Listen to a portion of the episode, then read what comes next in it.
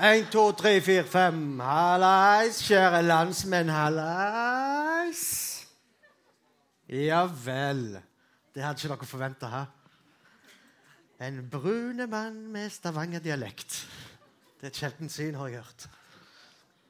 Jo da, eh, Mitt navn er Mohammed. Kjekt å se at mange har kommet. Til dere som sitter bak og ikke finner sitteplass, det er en hel rad her. Bare trekk dere fram hvis dere har eh, lyst til det. Yes, Jeg eh, vil bare fortelle veldig veldig, veldig kort om meg. Jeg er standup-komiker fra Stavanger. Flytta til Østlandet for tre måneder siden. Yay! For å satse på humor! Yay! Hvor langt har du kommet, Mohammed? Ikke langt nok. Det er, det er lang vei til der jeg har lyst til å gå. Men uh, så er det litt forskjellige ting jeg driver med. Jeg lager humor på NRK for tiden. Fjerde etasje, hvis det er det helt om det. Der er det Ja, ja. Eller uh, så har jeg vært veldig aktiv. Jeg har vært i gym for tiden. Ja, hvis dere har sett gym, Der har dere sett en håpløs araber som prøver å hoppe én meter. Det, det gikk ikke det gikk ikke. Men jeg skal ha med meg eh, veldig fine folk. Eh, før jeg bare begynner å sette i gang, så har jeg lyst til å bli kjent med publikum.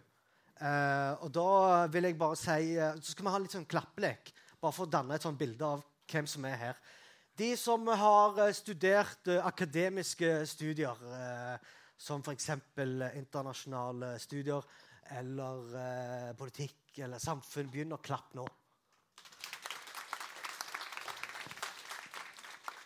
Wow, ok, Og de som har studert eh, musikk, kan begynne å klappe nå? ja da, vi trenger de òg. Disse trenger vi. Er det noen som uh, sliter med å forstå stavangerdialekt? Rekk opp hånda. Du, hva heter du? Hassan. Hvor er du fra? Her i Norge, liksom? Du, Oslo? Jøsheim. Ja. Så du uh, forstår ikke hva jeg sier? ja, ok. Kan jeg spørre hva er det du sliter med? Når du snakker litt fort. Når jeg snakker litt for fort? Ja, OK. Da skal jeg snakke litt sånn som dette.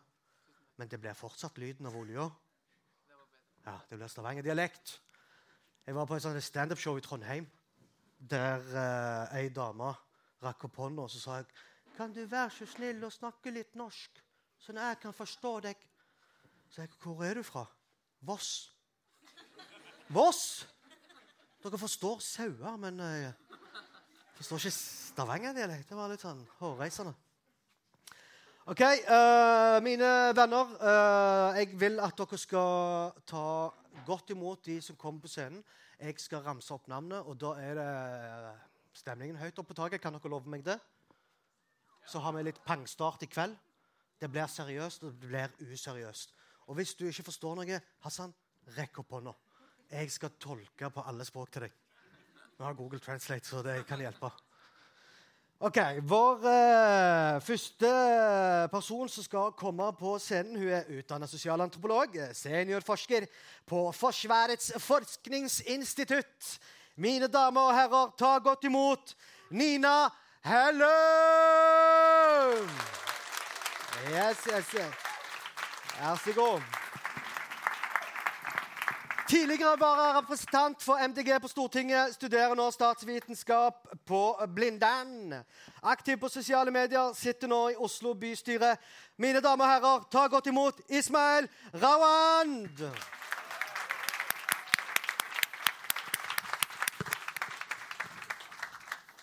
Bror til Erlend Elias. Erik Sæther, tidligere Paradise Hotel-deltaker, deltar to ganger i 2018 og i 2021. Tar nå tar nå en master i statsvitenskap. Er òg musiker, har egen YouTube-konto, aktiv fyr med mye meninger. Å, det var mye her. Begynn å klappe. Ta godt imot Erik Sæther!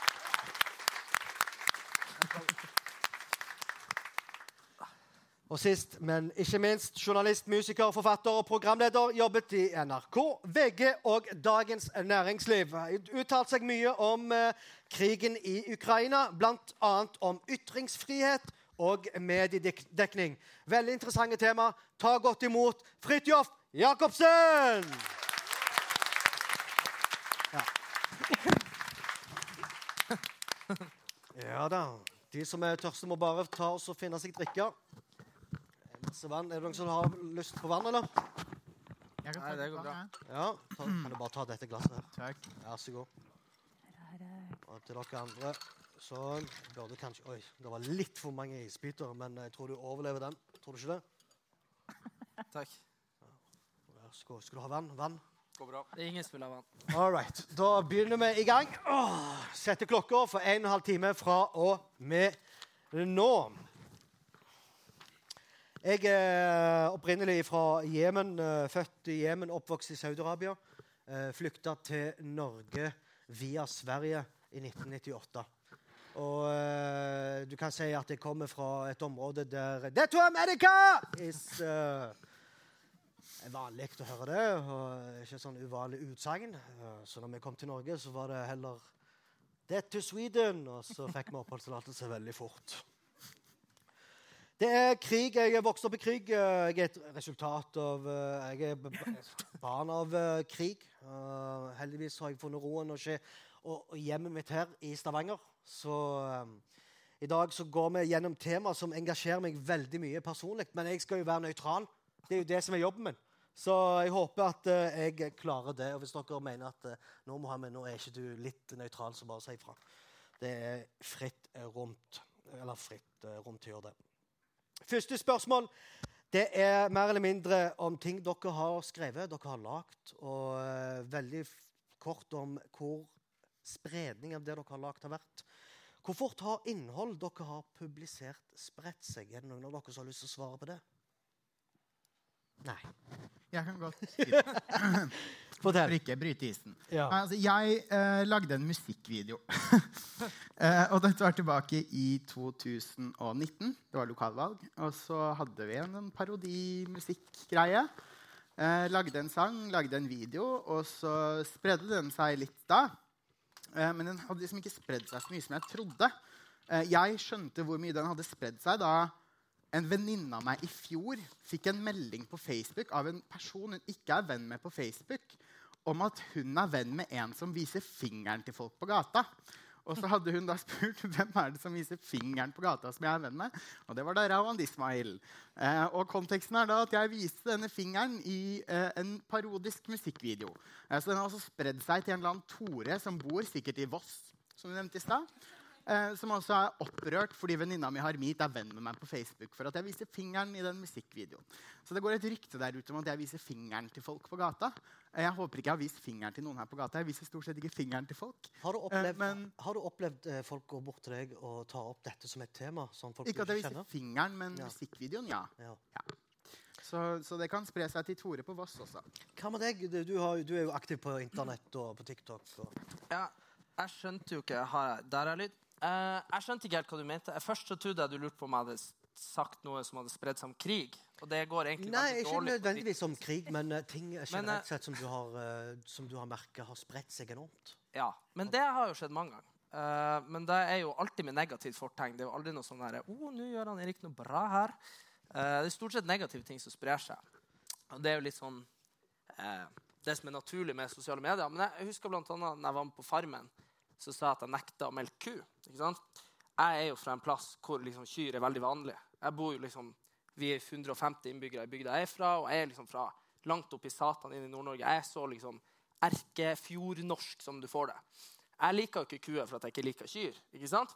Men da husker jeg veldig godt hvordan det var sånn over 10 000 kommentarer på, eh, i kommentarfeltet på TV 2 hvor alle var sånn herre Kom deg tilbake til asfaltjungelen og drikk kaffe latte! Så det er sånn her, Caffè latte? Altså bare sånn herre Jeg er jo fra liksom og- Skogen. ja, jeg er jo fra helvete. liksom. Jeg har jo rømt derifra. ikke sant? Så du må, du må helst si at jeg må komme tilbake dit og melke kyr. Eh, og så veldig ofte sånn her eh, Det er en gang det var litt sånn dritt. Jeg tenkte å gjøre en sånn TikTok-serie på kleineste ting jeg har gjort. Men eh, en gang så var jeg jævla sur på 17. mai for at jeg ikke var nevnt på Hva gjør kjendisene på 17. mai? Eh, og jeg følte liksom at jeg begrunna meg bra. Uh, det syns ikke Mats Hansen. Han er en kuk. Uh, så det spredde seg fort, så jeg måtte jo si unnskyld i VG og sånn. Um, så ting sprer seg jo. Det gjør det. Du har negativ erfaring, eh, vil du si litt av det òg? Utelukkende negative Ja, erfaringer. OK, bare det. Nei, det har aldri spredd seg noe bra, nei. nei. Eh, Fridtjof, du er politisk kommentator, forstår jeg.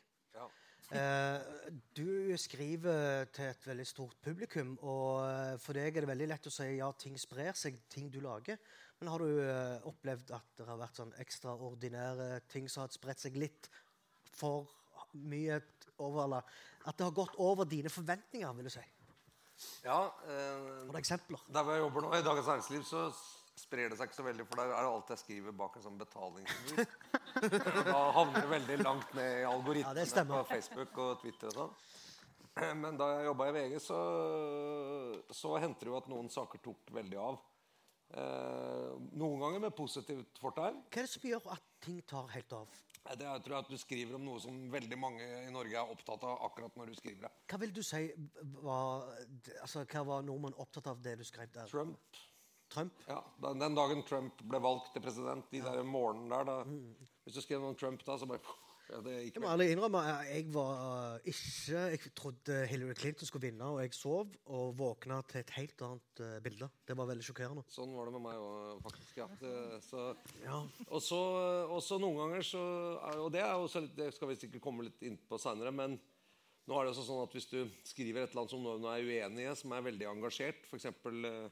Eh, nå har ikke jeg skrevet så mye om det, men hvis du skriver noe om vindmøller, så er det veldig mange i Norge som er veldig Eller jeg vet ikke hvor mange det er, men det, da kan det bli et helt voldsomt kjør på det. Og nå gjelder det mye med strøm og sånn, hvor folk er veldig, veldig forbanna. Og kan liksom spre sånn Se på han idioten der ikke sant? i avisa som skriver det om vindmøller. Han er på jordet, han er kjøpt og betalt, han er liksom en del av sånn og sånn. Det kan få en del sånne negative ting. Men, men, det, men det må jeg jeg tror liksom, når jeg begynte som kommentator i 2007, så har jeg liksom vært med på en del av fremveksten av sosiale medier. Så jeg er blitt litt sånn uh, hårhuda etter hvert. Jeg merker at det bryr meg ikke så veldig, men jeg kan skjønne for noen at det kan oppleves uh, utrolig heftig. Særlig første gang det kommer en sånn storm. Da. Har du noen gang uh, angra på noe du har skrevet? Ja, Har du eksempel? Ja, ja. Nei, det vet ikke om jeg orker å si engang. Nei, ja, For det første så har jeg jo alltid skrevet noe som var feil. Det hender jo når det går litt fort. Det er jo alltid flaut. Jeg skrev eh, faktisk en gang tror jeg DN at, eh, at det var det som snakk om den Nord-Norge-banen som skal liksom gå fra, fra Bodø og oppover til eh, Tromsø. Da, ja, da skrev jeg at den skulle gå fra Bodø til Trondheim. Jeg, jeg planla å bygge en togbane her. Da, da bekreftet jeg jo myten eh, nord for eh, Bodø om at alle som bodde og skrev noe i Oslo, var eh, utrolig tjukke i huet og ikke skjønte noe av landet vi bodde i da. Nina Det har Hellum. vært så mye i Nord-Norge. altså, Det var helt flaut, men eh, sånt skjedde. Ja, da, men jeg tror alle vi kan eh, dele erfaringer der vi har gått på veggen eller eh, uttalt oss litt feil. Jeg gjør det hver dag ifølge kona, så det er um, velkjent greie. Nina Hellum, Ja, det har Du, har eh, gjort mye du- større tabber enn det. da. Hva var det du har gjort Det finnes journalister som har gjort mye større tabber enn det. Heldigvis. Jeg har sikkert fortrengt en masse tabber òg. Lina Nina Hellum, Ja. du er sosialantropolog, forsker. Fortell, uh, du som er sosialantropolog, føler du at uh, du treffer et uh, stort publikum? Har du noen gang skrevet noe, lagd noe som har tatt flatt av? Jeg har ikke det. Uh, FFI-rapportene de går ikke som hakka møkk, for å si det sånn. Um, det er jo flest folk i departementer og sånn som leser dem, kanskje. Uh, det hender jeg har noen kronikker i noen aviser og sånn. Um, de kan bli delt, da, men det er uh, Som forsker så prøver man å holde seg litt sånn forholdsvis nøytral da, og ikke ha for mye egne personlige meninger. og sånn, så det er, uh, Temperaturen er forholdsvis lav. Det er ingenting som har tatt av. Jeg, de, jeg deler ikke rapportene mine i TikTok. og sånn. Kanskje jeg skal gjøre det. Se det Send det gang Erik. kan- Hva er det som engasjerer deg i ditt virke? Ja, Det jeg forsker på, er jo mennesker. da. Så det er jo eh, sosiokulturelle aspekter når det gjelder ulike ting. Særlig innen Forsvaret er det jo jeg forsker. Um, er, nå ser vi jo på dette med cybersocial propaganda and influence. Vi forsker på sosiale medier og påvirkning, og påvirk, uønska påvirkning og påvirkningsoperasjoner. Um, og vi kan jo se sånn som cyberforsvar, og det er en, en del andre en del som forsker på disse tingene, som er mer opptatt av teknologien. Eh, Er du det? nei, jeg er jo ikke det. Nei. Nei, jeg, Men du, du jobber men jeg er opptatt av hvordan teknologien påvirker oss mennesker. Og hvordan vi mennesker påvirker teknologien. Og hvordan den vil utvikles, sånn at den kanskje kan fungere Er, er dette et spørsmål du eh, som sosialantropolog kan svare? I hvilken grad påvirker sosiale medier politiske beslutninger? Ja, det er jo et veldig stort spørsmål. Det er det. Jeg beklager for at jeg ikke stiller små spørsmål. Nei, eh, det, er, ja, det er et ganske komplisert spørsmål, for det er ganske mange måter. Eh, og spørsmål, ja, selvfølgelig kan eh, aktivitet på sosiale medier påvirke politiske spørsmål. Det ser vi jo. Og jeg tenker En av de største truslene til demokrati mener jeg da, er jo nettopp dette med algoritmestyrte sosiale medier. Eh, som TikTok, eh, YouTube osv. Som gjør at det man søker på, det, de oppfatter jo hva er det du liker. Eh, hva er det du ser på? Hvor lenge ser du på det? Ser du på det om igjen og om igjen? Eh, for da får du mer av det samme. Og så havner du i disse rabbit holesene kanskje etter hvert, altså ekkokamrene, hvor du får nesten bare det samme som du har sett på før. Jeg for eksempel, under valget sist fikk bare sånn Biden-positive ting. Jeg fikk ikke noe sånn positivt om Trump.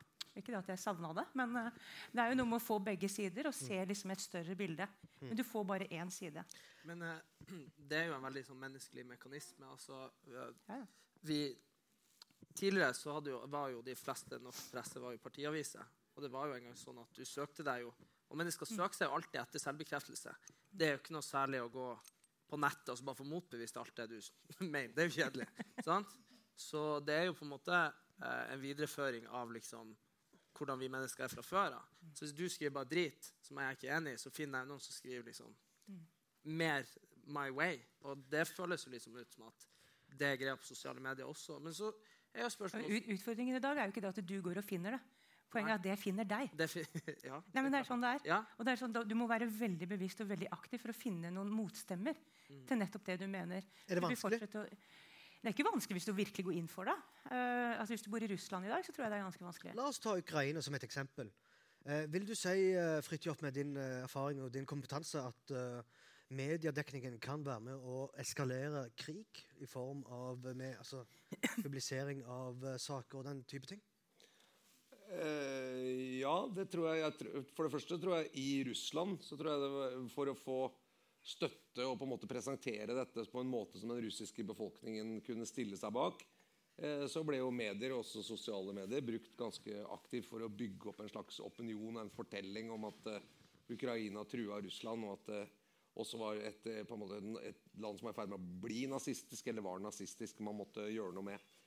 Eh, og i Europa og mange europeiske land så tror jeg eh, både ikke bare sosiale medier, men medier generelt, og kommunikasjon og, og en type sånn bevisst kommunikasjon har bidratt til at uh, Ukrain, ukrainerne har fått veldig mye støtte.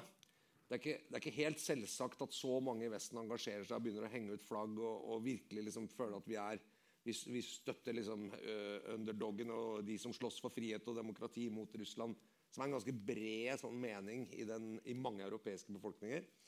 Og det tror jeg har noe med at uh, ukrainerne og han Zelenskyj har vært, vært altså De har ikke kommunisert noe løgn, men de har vært gode til å komme på med sitt budskap og det de mener er det riktige i denne saken. Og det har så tror jeg nok blitt forsterket gjennom sosiale medier. Og nå de siste dagene, som sikkert mange har fått med seg, når ukrainerne har, har liksom tatt igjen en del land oppe i nordøstlige deler av landet, eh, øst for Kiev, eh, så har det eh, samtidig kommet ut masse bilder og små videosnutter av hvordan de eh, russerne har flyktet, at de kommer ned med russiske flagg, opp med ukrainske flagg, at de tar våpen og ting som er etterlatt osv.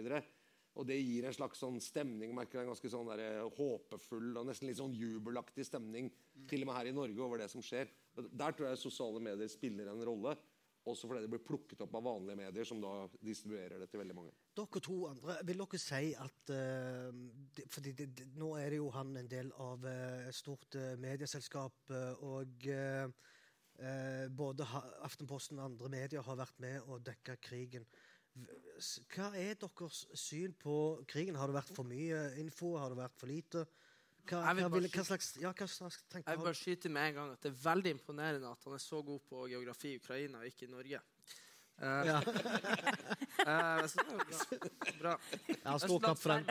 Eh, nei Altså um, Du har jo de som kalles for krigsinfluensere. Er det noe du hadde Ja, nei, altså Leiesoldat er jo absolutt en, en vei jeg kunne ha gått. Men uh, nei, eh, jeg syns jo at at det jeg sitter og tenker på da, sånn konstant eh, Vi vet jo liksom eh, altså Vi husker jo veldig godt, de fleste her i rommet, når Norge sendte jagerfly til Libya i 2012. Og det var jo bare public consensus var at herregud, det her må vi gjøre. Vi skal bombe sønder og sammen et afrikansk land vi aldri har hørt om før. Ikke sant? Uh, og da ble det sånn, og så i ettertid da, så kommer det jo veldig sånn her uh, Hva faen heter AFP, det nyhetsbyrået dere får? Ja, de, de, de som sier, det, det kommer fram i ettertid at liksom, det Gaddafi Han drev visstnok med genocide i Libya. Han gjorde jo ikke det. Det var jo sterkt overdre, overdrevent. Og det førte jo liksom til at reaksjonen vår ble så sterk. For selvfølgelig skal vi ned og eh, stoppe liksom, den afrikanske Hitler. Det må vi jo hjelpe til med. Og det jeg tenker på nå, da, er jo det at selvfølgelig, Putin er ikke, han er ikke beste gutten i klassen. Han er ikke drittrivelig, sikkert. Who knows? Men poenget mitt er bare det at eh, det oppleves jo litt som at det oppleves uansett som at vi får uh, Vi får jo speila saken veldig fra en side. og så er det ikke sånn at det er noe som kan rettferdiggjøre en, liksom en, en krigsinvasjon. Det er ikke nødvendigvis det jeg sier, men det er jo det at uh, når Putin sier at de er nazister, la, la, la, la, og de er ikke nødvendigvis det uh, men, se, men det er jo det. veldig stort. Over, og det, er nå og det er jo flertall i de østlige delene av Ukraina som snakker russisk. Og jeg vet ikke, jeg har ikke sett noen sånne nøytrale undersøkelser av liksom, hvor de står i konflikten. og sånne ting. Og så rettferdiggjør jo ikke det at du voldtar og bomber bygninger og dreper folk. Det Ja. gjør ikke det. Spørsmålet mitt til deg, Fridtjof. Har fremstillingen av eh, Gaddafi vært eh, slik den skal være eh, før Norge bestemte for å bombe? Er det, er, det, er det et ubehagelig spørsmål til å begynne med? Nei, det er ikke det, egentlig. Vil- Fordi jeg husker Jeg jobba ganske mye med opptakten til For hva gjør en fredsnasjon i Libya? Ja, nei, det, vi, vi bomber, ja. Eh, sammen med Obama, som mente at av og til så, ja, ikke sant, man må bruke våpen for å ivareta fred. Men det, det som, altså, opptakten til den krigen var ganske lang, og det var ganske mye debatt om det. Eh, og man hadde et opprør i eh, Libya som var ganske bredt mot Gaddafi og hans styre. Så landet var jo en ganske sånn eh, hva må man si, Et opprør som kanskje kunne minne om noe av det vi så i Syria litt seinere. Eh, og i Egypt. Eh, men i Syria så var det også et opprør. Det opprøret ble jo bare knust med hjelp fra Russland av Assad.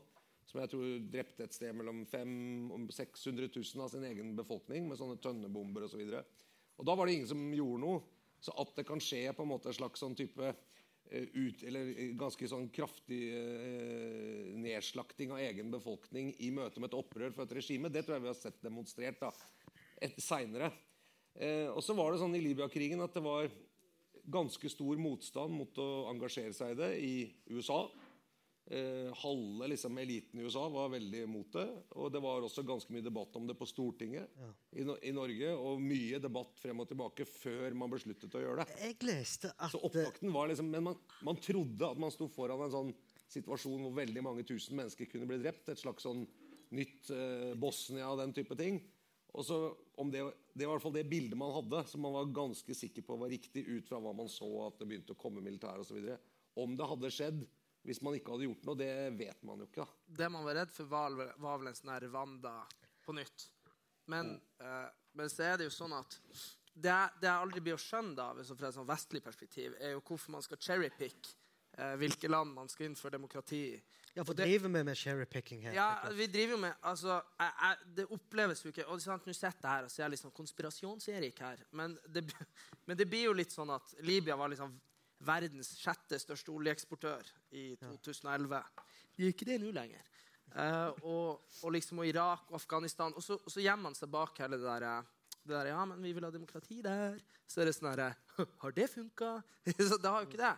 Og, og, med, og det er jo forferdelig hva som har skjedd i Syria nå de siste årene. og sånne ting, og alt det, Men, men det blir jo veldig sånn, det virker jo som at hver gang vi innblander oss, så blir det jævlig mye verre. Ismail, føler du at uh, fremtiden er lys, eller er det mørkt uh, ut ifra dine, ja, dine briller? Akkurat nå så er det jo høst, så det føles litt mørkt uansett på en måte for min del. personlig. Men, okay.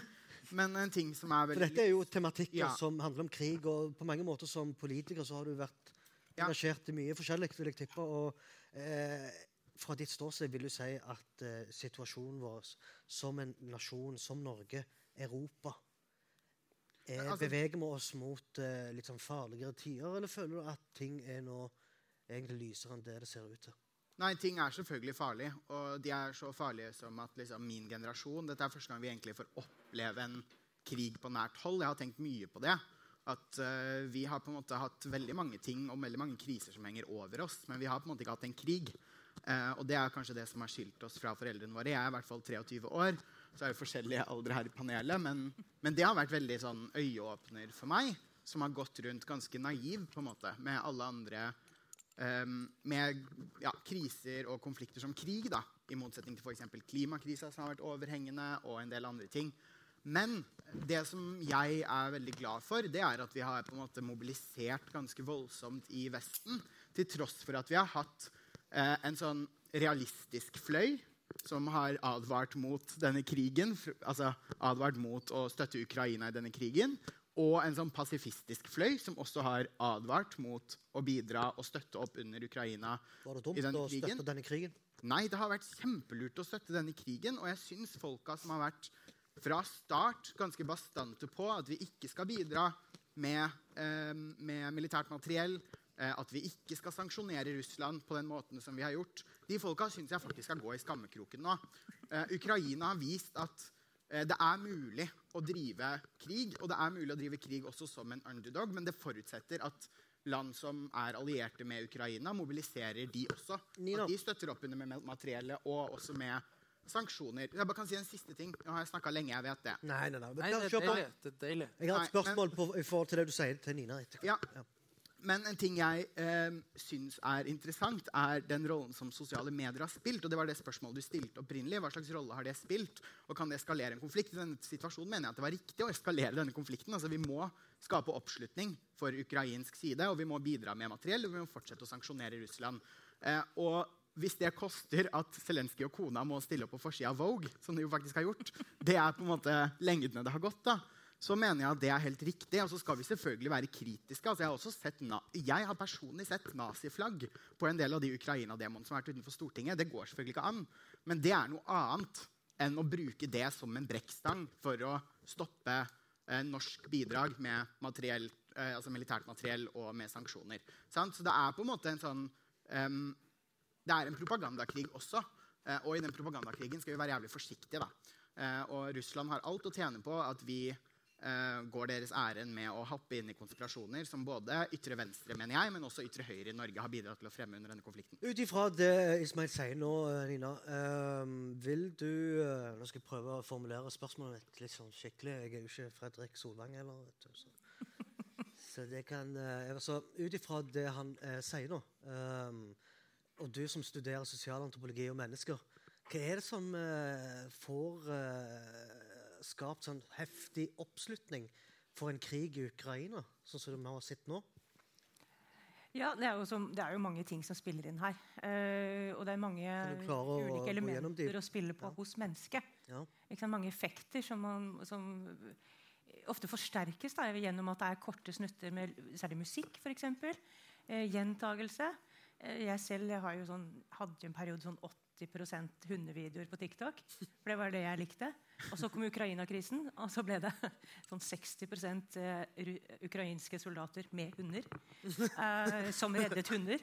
Så, så det, det, kom? Det, kom, det spiller på følelser veldig. Ja, for, det for det ble veldig stille rundt covid, og det ble med veldig mye Ukraina Ja. uh, på veldig Ja, kort det, tid. det liksom, det gikk fra det, så plutselig så hadde vi jo glemt covid. I hvert fall gjorde jeg det.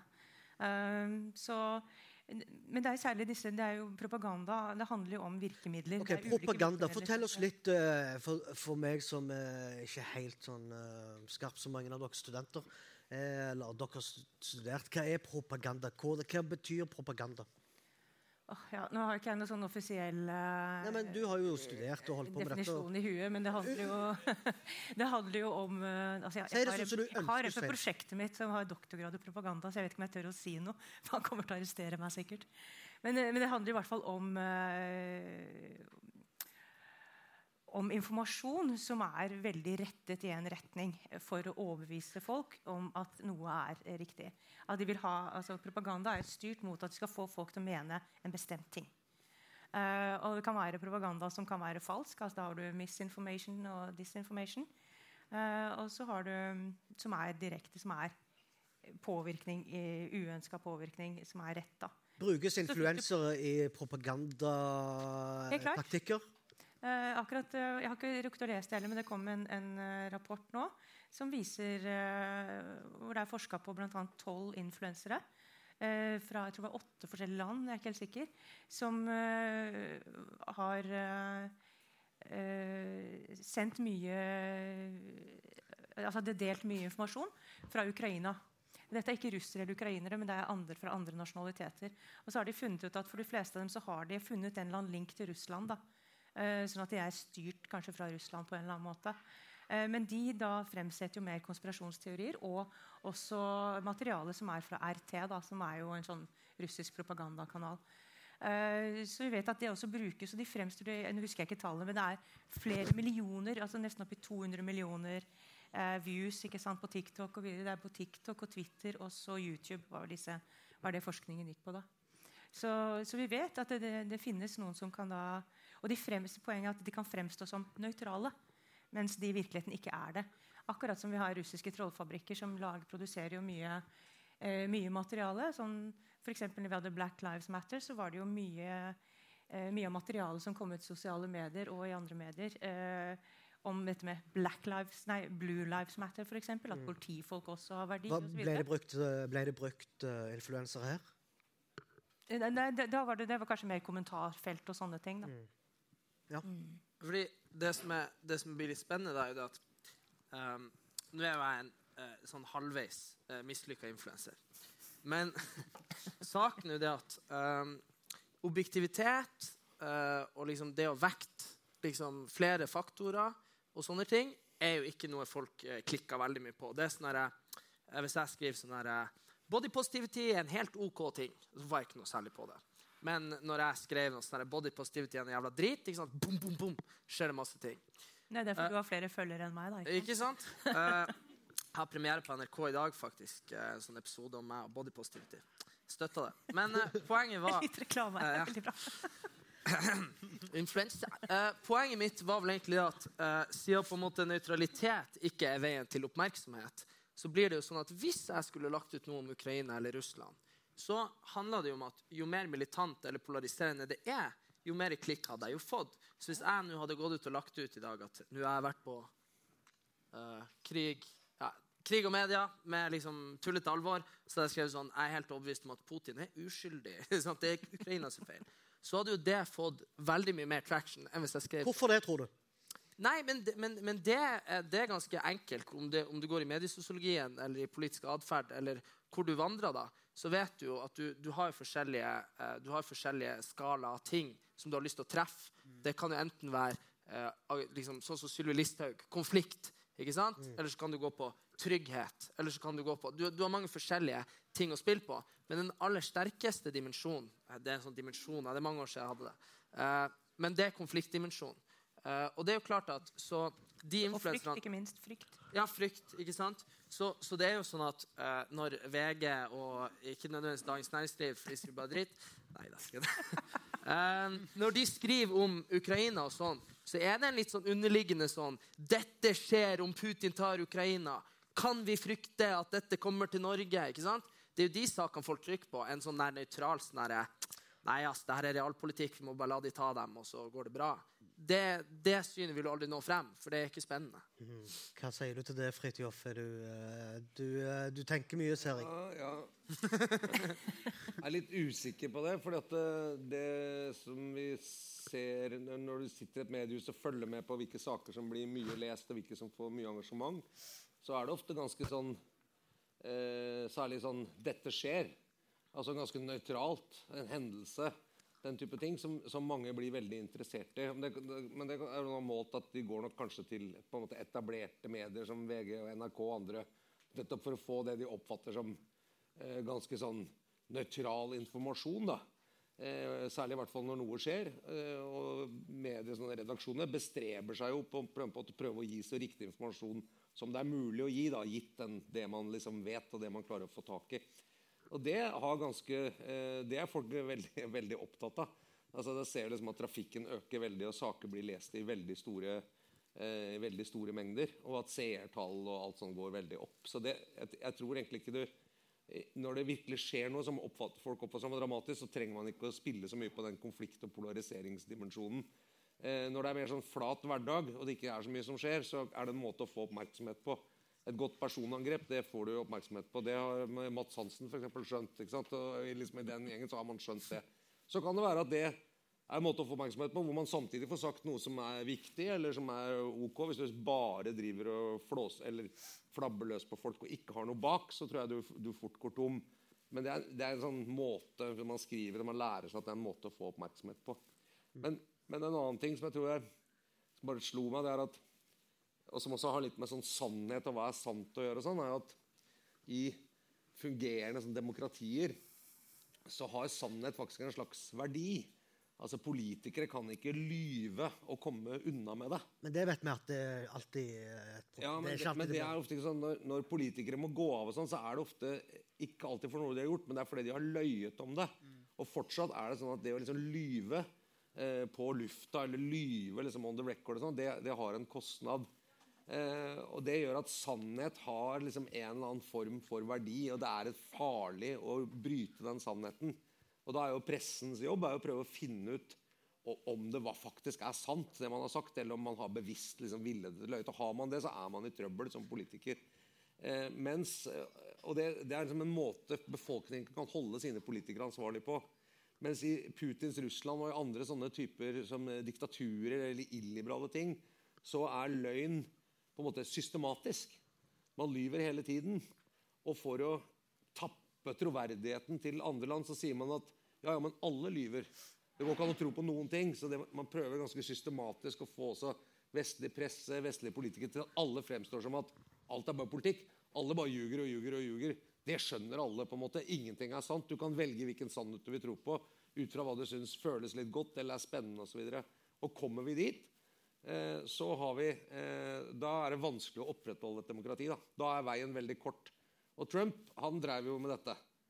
Og til, Drev med hva? og til slutt så holdt de på liksom å velte hele det der 6. januar. ikke sant? Alt det var basert på en løgn som folk etter hvert trodde på. eller sa, og Hvis noen sier ja, men det er løgn, sier jeg ja, det sier bare du, for du er uenig. Løgn og løgn. Du lyver, du også. ikke sant? Alle lyver. Det ble en sånn veldig merkelig ting. Og da ender man med liksom at det amerikanske demokratiet, som er, det er som grunnlaget for alt demokrati, eh, plutselig eh, er i ferd med å liksom stå sånn. da.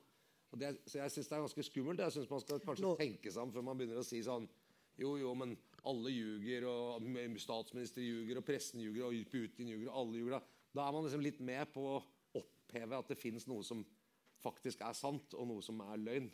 Og det, det skal man være forsiktig med, tror jeg. Eh, det, bare sånn før vi går til jeg deg bare, jeg bare si ja. det, for at det er helt, jeg er veldig enig med deg, Fridtjof. Også Det som kanskje også er vanskelig nå, da, det er jo at de som er best på det med ljuging, er jo de som Det har jeg alltid lært sånn for moren min og sånn. Hvite løgner. Alltid ljuge så lite som mulig. Ha, ha så mye sannhet som mulig rundt løgnen din. Da funker den best, og da kan du komme unna med den. Og det er jo det som du ser, Hvis du klarer å ha mye sannhet i påstandene dine F.eks. hvis Putin sier at uh, Nato her, de kommer jo liksom østover og de ekspanderer. Jo, det, det har jo faktisk skjedd. ikke sant? Ja.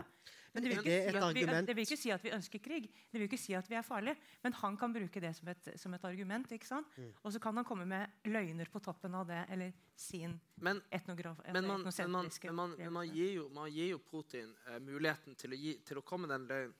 For når, eh, når Berlinmuren falt, så var liksom rådende avtale at Nato skulle ikke bevege seg østover. Og så driver vi og liksom tilbyr litt sånn medlemskap her og der. Så du, du, du åpner jo opp for den. Eh, Men det var vel uh, Goebbels som sa det at uh, hvis du bare forteller en løgn uh, nok ganger, og den er grov nok, så blir folk å tro på den. Og det er jo også et sånn derre det er jo liksom, det er det de gjør i Russland nå. Eh, Det var, jo, det var jo var det ikke en eh, presidentkandidat en gang i USA som sa det at eh, La oss si om motstanderen at han puler bikkjer. Og sier, vi, kan ikke, kan, han- vi kan ikke, han gjør jo ikke det. Nei, nei, men han kommer til å tape valget hvis han må ut og dementere det. Ja. Ikke sant? Så det er noe med hva hva slags løgner klarer du å liksom lire Ja. av. Også. Fra eh, et eh, kanskje afrikansk ståsted eller Midtøsten ståsted så eh, vil kanskje noen hevde at eh, USA ikke bør være representativ for selve demokratiet, og at demokratiet i USA er i fall. Eh, og et symptom på det var at president Trump ble valgt som president. da. Eh, er det Fridtjof, er det noe For du snakket om eh, demokratiet, som er da sta- sånn festa USA. Men vi ser at det er litt sprekker eh, i det landet der. Og det er mye konflikter som kommer til overflaten. Ja, og det er det mange europeiske land òg. I Ungarn, i Polen. Italia kan få en ganske merkelig regjering snart. Og det er mange sånne tendenser. Sverige? Sverige? Ja, det vet ikke. Men, men det at Trump ble valgt, er jo et tegn på at demokratiet fungerer, tror jeg. Fordi at, eh, altså på hvert fall sånn teknisk. fordi at selv om på en måte institusjonen og hele establishmentet var mot det, og det var utenkelig, så, så var velgerne der. da. I hvert fall nok til at uh, det skjedde. Han fikk jo ikke flere stemmer, da. Nei, men det, men det er det mange amerikanske presidenter som ikke har fått er- på begge Ja. sider. Det kan du si systemet hvordan var. Men det er, det er et merkelig valgsystem. Men, men han ble valgt på helt, helt legitimt grunnlag innenfor det systemet de har. Eh, og fordi mange tror jeg opplevde at det åtte år med Obama hadde ikke sett deres problemer og sett deres ressurser. og De ville bare keen på å prøve noe annet. Som er blitt fortalt om mange ganger. Både, ikke sant, Thomas Seltzer sine serier som viser at, eh, sant, hvis man føler at det ikke hjelper, så vil man prøve noe annet. Og så, og så valgte de jo bort en, han og valgte Biden igjen da etter fire år, for de så at det hjalp kanskje ikke så mye med han heller. Men, eh, men det er eh, men det er klart, amerikanske demokratiet når jeg sier det er grunnleggende, er det fordi at den uavhengighetserklæringen i 1776 at det, Grunnloven og 'all men are created equal' og veldig mye av det tankegodset om at alle er like, og at alle skal stemme, og at alle som er mye verdt eh, Veldig mye av det er adoptert inn i våre demokratier. Den måten å tenke på. Det er derfor det er et sånn viktig land at hvis det faller der, så, så kan det falle mange andre steder. De, de går jo bort fra en del ting jeg skal bare gi ordet til Ismail her. Han har Nei, altså, Sånn demokrati, er jo mer, demokrati er jo mer enn teknikalitetene. Så det at Trump ble valgt, trenger ikke å bety at det er et velfungerende demokrati. Demokrati er jo en idé. sant? Eh, og, og jeg mener at de ideene står for fall når en mann som Trump blir valgt. Så jeg tror vi skal være forsiktige med å tenke at fordi velgerne ja, men Hvorfor tror du han ble valgt? da? Hvorfor, hva er det som gjorde at han ble valgt? jeg tror det er misnøye, men også desinformasjon. En ufungerende samfunnsdebatt, altså en velferdsstat som ikke fins. Altså mange av disse tingene bidrar jo til det, og til fremveksten av autoritære løgnere, sjarlataner, som kan ende opp med å bli en av verdens mektigste statsledere. Men jeg tror at um, den, det vi diskuterte i stad, om på en måte konfliktdrevne saker, og hvordan konflikt driver saker og skaper narrativer Hater begrepet narrativ, skal jeg aldri bruke igjen. Um, men, men det ble for meg veldig tydelig her om dagen. Da, altså både nyheten om Ukrainas motoffensiv det måtte jeg altså sånn, eh, undersøke grundig for å få informasjon om. Eh, fordi jeg i løpet av to dager kunne vite mer om historikken bak corgiene til en avdød 96 år gammel dame enn jeg kunne om, om den siste oppdateringa om krigen som banker på døra i et naboland. Altså sånn, eh, og det er jo veldig absurd. Og når, hvis du tar utgangspunkt i bare dronning Elisabeths eh, død, da, for å bruke det som et eksempel, så var det sånn altså sånn, Det var noen gode saker og grundige saker og forsiden i avisene. Gikk gjennom historikken bak kongehuset der. Og, men istedenfor at vi skal kunne lese de grundige sakene, så var noe av det som var mest delt den dagen, handlet om en modell som på Instagram ønsket at hun skulle brenne i helvete. Og der kunne hun møte Margaret Thatcher og Ronald Reagan. Så det er liksom sånn, eh, Hvilke typer saker media også velger å skrive om. De kunne glatt oversett at Rauda Mohammed kritiserte dronning Elisabeth på Instagram, eh, og i stedet skrevet om alle skandalene som har preget det britiske kongehuset, og hvordan det over lang tid har vært problemer der, eh, bortsett fra kolonialismen. Ja. ja. Nei, du fortsett. Ja, Nei, eh, det det er veldig interessant det du sier, fordi eh, det er jo et sånn evig paradoks hvilke ansvar media har i forhold til hva folk har lyst til å trykke på. ikke sant? Fordi Grunnen til at informasjonskløftet oppstår, er jo fordi at uh, folk søker seg til en viss mm, type informasjon. For hva er det folk trykker på? tror? For, nei, altså, Det er jo mye gøyere at jeg har pult på TV enn krigen i Ukraina. Altså, skjønner du hva jeg mener? Det er mye gøyere. Sånn, Se på han idioten. Snakk for deg sjøl. Ja. nei, nei, men, men, men Vi sånn har ulike interesser, tror jeg jeg. vil bare si at jeg hater reality-TV. Det suger. Uh, men, men poenget er at uh, folk søker seg jo Og så- har du den derre uh, Medieundersøkelser viser jo det at eh, media er jo ofte eh, dreven av ikke sant? Du ser, du ser liksom konflikter eller krig eller politikere som krangler om ting du ikke skjønner. Uh, og veldig ofte, hvis det blir for mye av det, så drives folk over i apati. Da, da gidder de ikke lese media. Men så kommer det en liten sånn herre Christian Brennov, da kuken ut på TV. Oh, ikke sant? Boom, så har du leserne igjen. Og, og det, det er litt det det handler om. at uh, media er jo på en måte de er jo i denne klikkdrevne verden og betalingsmurer som dere har, så er de er jo avhengig av å få inn lesere. Og da er det litt sånn at Når mediehusene er kommersialisert i den graden de er, og de er eid av liksom multimilliardkonsern, så fenger meg i ræva at de bryr seg om etiske spørsmål bak hva de burde dele. De deler det som gir klikk. Og så kan jo noen komme og si at nei, men vi har journalistisk integritet og bla, bla, bla. Men hvorfor i alle dager skrives det artikler om meg da, hvis dere har integritet? Det burde jo ikke skje. Ikke sant? Uh, så det er jo et sånn Et spørsmål, da. Da må jeg stoppe deg litt. For uh, hvorfor ser man da en forskjell i måten media dekker f.eks. denne krigen om um, Ukraina versus uh, krigen i Jemen eller Palestina eller andre steder? Et svar som jeg gjerne jeg ønsker fra Fridtjof her. Og Grunnen for at jeg stiller han, det er fordi at han er jo en politisk kommentator og har mer tyngde enn deg. Nei, tuller. jeg bare, bare tøyser med deg. Jeg bare tøyser. Nei, det, det, det, er et godt spørsmål. Det er jo en, eh, Det ene er at det er nok nærere oss.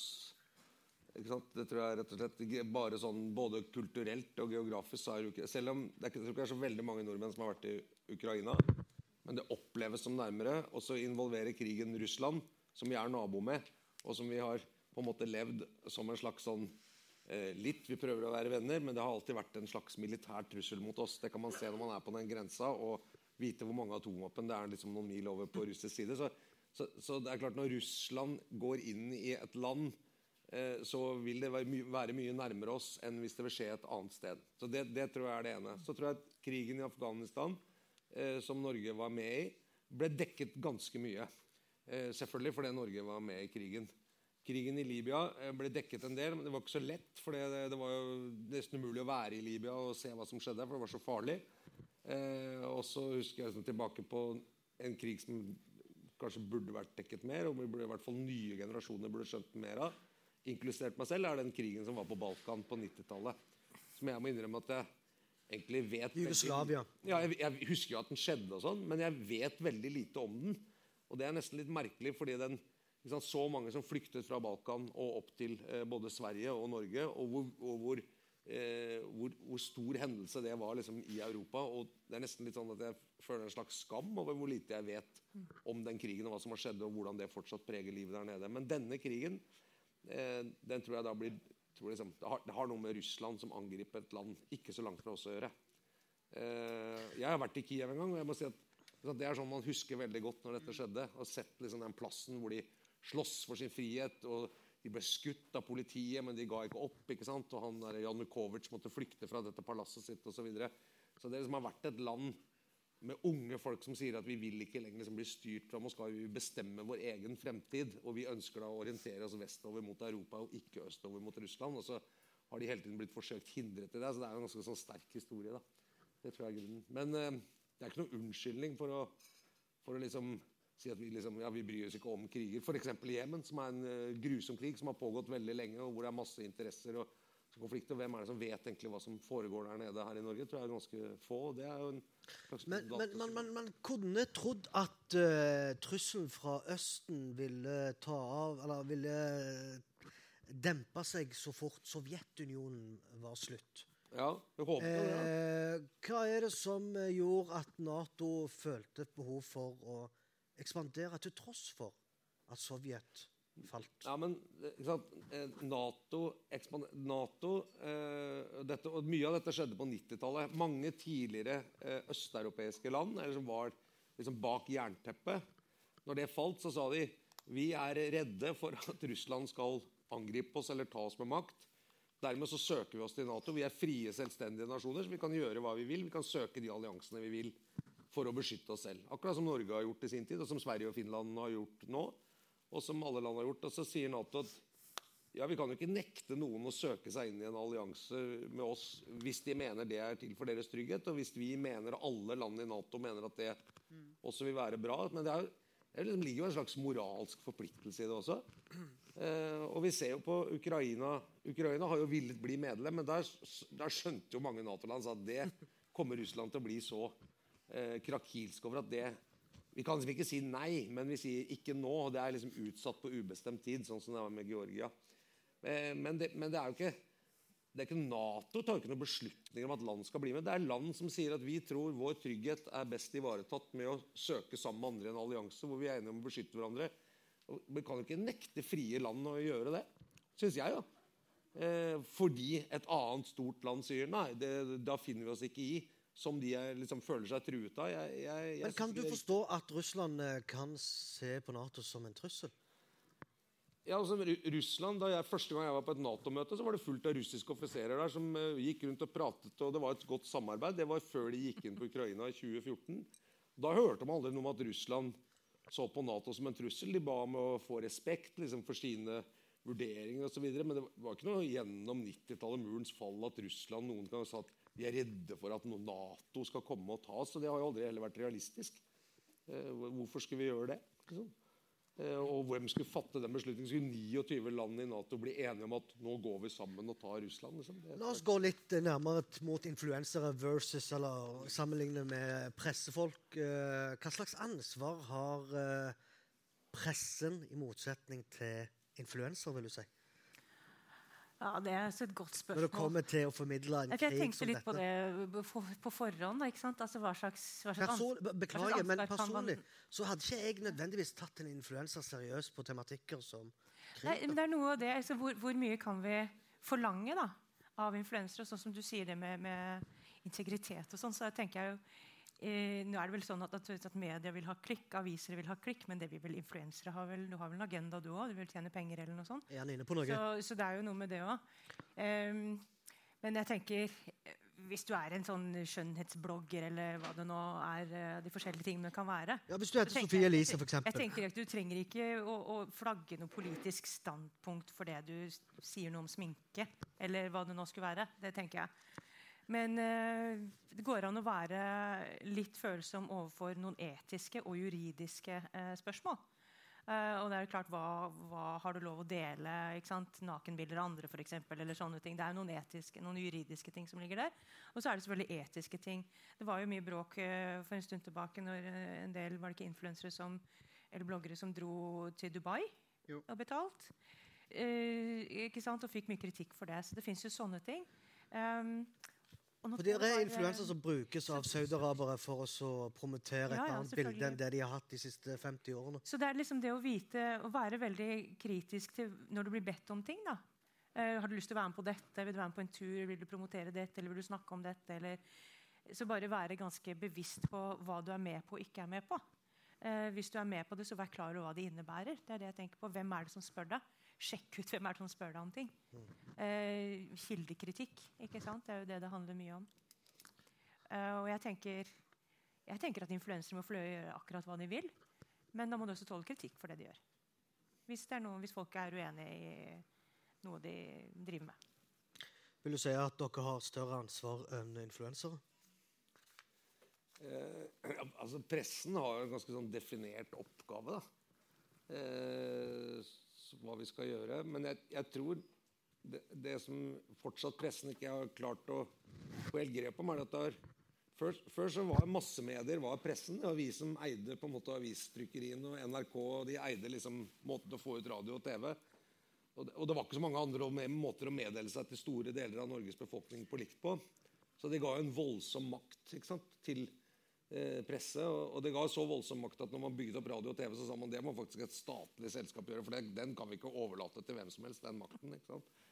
Og så når sosiale medier har kommet og plutselig har fått en sånn, hva man kaller sånn uredigert offentlighet, hvor massemedier på en måte kan alle melde seg på. Har du noe som folk syns er kult, eller noe som fenger folk, eller noe som er interessant frem og tilbake, så, så kan du få masse oppmerksomhet. Og det er klart at masse medier, eller redaksjoner av medier som har sett på det, har sett at de, da begynner de også å stjele reklamekroner og inntekter og sånn. Eh, så er det lett at man begynner å tenke ok, den logikken må også vi hive oss på, for det, så vi blir halsende litt etter.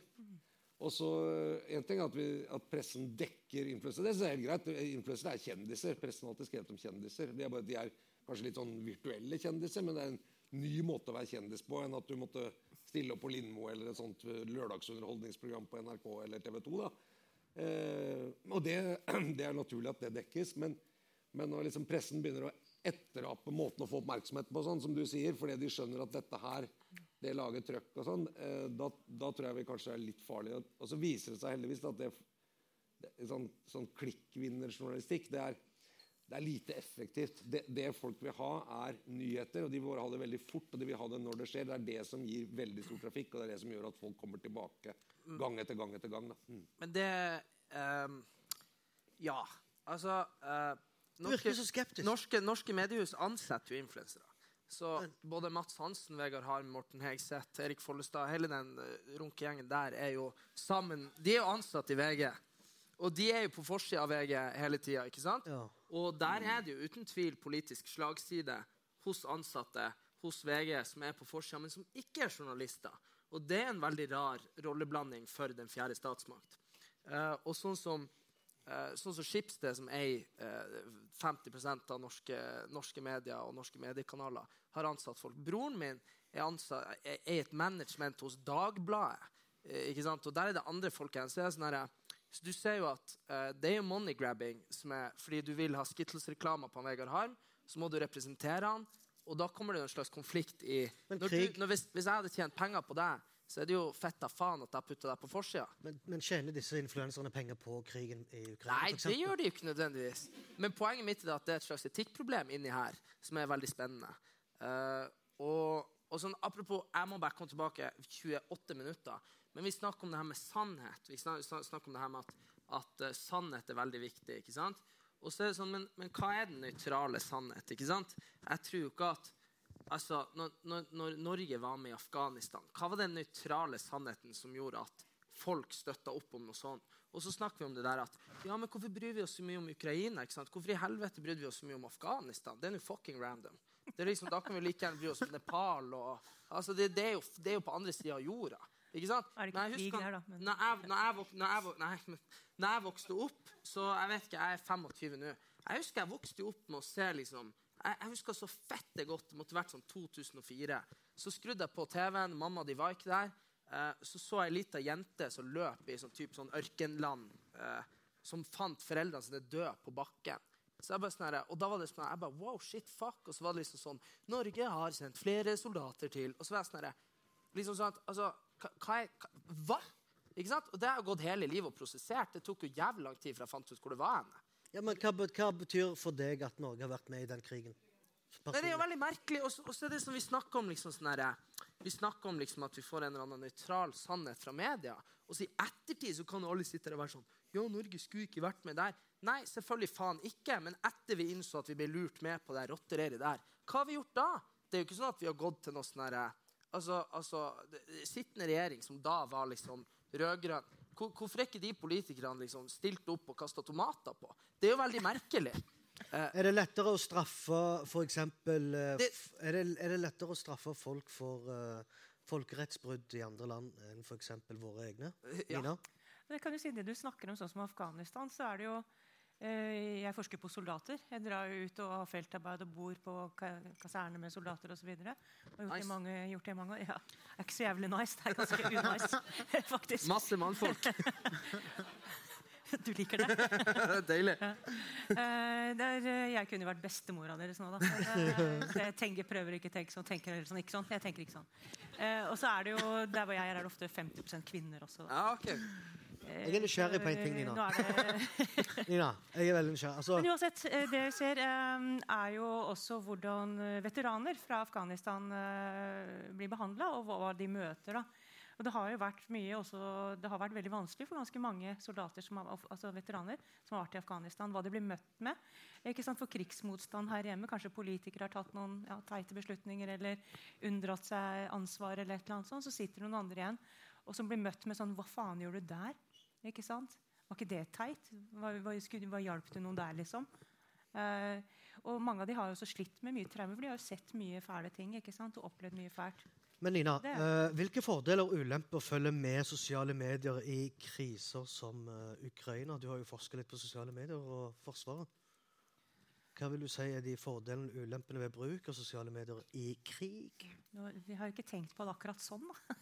når vi har på det. Fordeler og ulemper. Ja, vi ser jo kanskje mer ulempene sånn måten vi forsker på. Da, for å se på, Vi forsker på påvirkningsoperasjoner. Um, og, og ser på mer på uønska påvirkning. Um, som går i, i retning av å kanskje ødelegge tillit til det norske samfunnet, bryte ned noen samfunnsinstitusjoner f.eks. Uh, så det er jo da ulemper. Fordeler Ja, altså Det som har vært ganske nytt, det kan man jo se med um, Du snakka noe om det i stad. Når man kan uh, Hva heter det ordet? Uh, samle mange folk på en, på en kort tid. Mm. Mobilisere. Mobilisere var det jeg lette etter. Mm. det er sånn Man ikke er statsvitenantropolog, så har man ikke så fine ordene i vokabularet. Nei, men så Det er mye lettere å mobilisere store mengder. eh, og, og det ser vi jo bl.a. med eh, Pride for eksempel, i Oslo. Du ser hvor kjapt ting kan spre seg, og hvor kjapt du kan faktisk få folk til å stille på noe som da eh, fleste av oss da syns er positivt. I tar ta Jemen, f.eks. Der eh, har sosiale medier vært en veldig viktig del for å mobilisere folk eh, mot sånne iransk støttede militsgrupper, uh, houthier. Og eh, det vil jeg si faktisk er en veldig stor fordel, fordi at eh, mediene har jo ikke hatt eh, den rollen de skulle hatt for å mobilisere folket der. Og da har sosiale medier som Twitter og WhatsApp har vært en veldig viktig del. nå. Er, er, den krigen i Ukraina en, en krig som eh, sosiale medier er en stor del av? Jeg tenker at det er bra at sosiale medier åpner opp for å spre ting som kanskje ellers ikke hadde nådd. Ikke sant? Du trenger, du trenger en idiot med mobiltelefon, så kan hele verden vite. Og det må jo være det som er, det være det som er bra med det. Men ble, I begynnelsen så ble den jo kalt for TikTok-krigen også. Ja. Var, og jeg må jo si jeg selv istedenfor å sitte og se på Dagsrevyen eller lese Dagens Næringsliv, for eksempel. Jeg har ikke, jeg har ikke råd til den betalingsmurgreiene til eh, Fridtjof. Så, så TikTok jeg bruk, altså, Fryktelig mye av informasjonen min kom fra TikTok, faktisk. Og det var for det er, Men videoer kan jo manipuleres. Og det var jo masse, masse videoer som var manipulert. Hva het han derre piloten? Ghost of eh, Kiev. The Ghost of Kiev, ikke sant? Legende. Som, eh, som ikke, det, var, ikke sant? det fantes jo ikke, var jo bare, det var bare propaganda. Men ikke sant, du, vi så jo masse videoer av han og alt mulig. Så, så det, man må være litt kritisk. Man må tenke, og Der har jo redaksjoner i VG annet. men er det lett for oss Ja eller nei, spørsmål. Altså, er, det, er det veldig lett for oss å se hva som er falskt, hva som er sant? Nei, altså det, nei, det er det. Det er veldig vanskelig. Men det er det jeg sier, det har du sånn som VG for eksempel, har jo lagt ut eh, at de har en sånn faktasjekkegruppe. Og de har eh, lagt ut hvordan de sjekker videoer. Hva de ser etter, hvilke tegn osv. Hvordan de kan prøve å verifisere og, og avkrefte ulike typer informasjon. Hele, det er mange norske redaksjoner som har gått sammen om det. Og det er en gruppe nede på noe som heter Pressens hus i Skippergata, som sitter og analyserer videoer som man tar fra internett, for å se om de eh, er det de gir seg ut for. For det har vært i andre konflikter så har det dukka opp videoer som også har kommet på forsida, som viser seg er fra andre kriger, til og med noen ganger fra dataspill. ikke sant? Og det, det det er et ganske godt initiativ, da, syns jeg. eh, Ja, veldig, veldig. Vi tar uh, avslutter litt her. Uh, stor applaus til vår panel. Beklager for at jeg avbyrder dere på den måten her. Yes. Eh, det er 20 minutter vi tenker å bruke til spørsmål. Og da er det spørsmål retta til panelet. Hvis dere har det, rekk opp hånda. Det er greit å kunne eh, få litt eh, perspektiv fra publikums side. Du smiler så lurt. Kjøpte Italia, kosta 60. Ja, har du noen spørsmål på lur? Jeg tenkte det er sikkert sponsa av Donald. Ja, Ismail, du, du skulle si noe, og jeg avbrøt deg, for jeg eh, tenkte at eh, noen spørsmål fra publikum kunne stilt. Tenk litt på det mens Ismail eh, holder ja, ordet sitt. nei, det, var, det var litt tørt, det jeg skulle si, så, men jeg skal holde det kort. og det er bare at det som har vært Ukrainas strategi, er å mobilisere hele totalforsvaret sitt. Altså alt liksom sivile, politi, altså alt mulig rart. Eh, og det har de klart pga. delvis sosiale medier. Så ja, det har en fordel. Og selvfølgelig trenger vi da på en måte å klare å skille mellom falsk og riktig og, og alt det her. Men sosiale medier har en viktig rolle å spille, og det har også influensere i sånne situasjoner. Men det er vanskelig å se for seg i en situasjon hvor Norge må mobilisere totalforsvaret sitt, at liksom Sofie Elise og du skal på en måte lede an der. Men det er jo faktisk sånn eh, det også har blitt, da, i tillegg til en rekke andre. Ja, hvordan tror du det hadde vært hvis vi hadde hatt våre influensere her? Nei, vi får jo stole på han, da.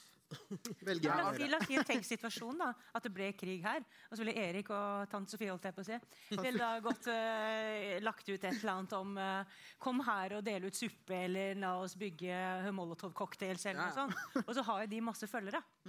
Ikke sant? Som da kanskje vil gjøre det. Så det også er jo en mulighet til å kunne utnytte slike til å, å mobilisere. Jeg vet ikke hvor mye dere jeg bruker jeg vet ikke om det er hodet mitt, eller, men jeg bruker å ligge om natta og så se for meg sånne urealistiske ting. Same. Sånn, ja, sant? Så, uh, Ja, det er bare det. da? nei, når jeg gikk i barnehagen, så drømte jeg alltid om å fly inn i barnehagen. Ikke sant? Det var det ville jeg. Ikke sant? Jeg tenkte at det blir bra. Mens er sånn, i, i voksen tid så har jeg alltid Det kan kompisene mine som sitter der bare sånn Ja, det har han sagt. Uh, så har jeg alltid tenkt på at hvis det skulle skje noe sånn terrorangrep, og jeg er i en sånn posisjon hvor jeg er nært nok til å sprenge og stoppe det, så hadde jeg 100 gjort det for clout. Altså, det, Se for deg videoen jeg sprenger og takler en terrorist. Altså, ikke sant? Det ja. så, uh, så det jeg tenkte litt på. Det skal bare være ærlig, så nå vet dere det. Uh, så, liksom, eh, så den der attention-seekeren er jo langt inni oss. Så hvis det hadde blitt krig i Norge, så hadde jeg 100% vært sånn helt fremst. Jeg ser ofte for meg urealistiske ting som at MDG vinner valg.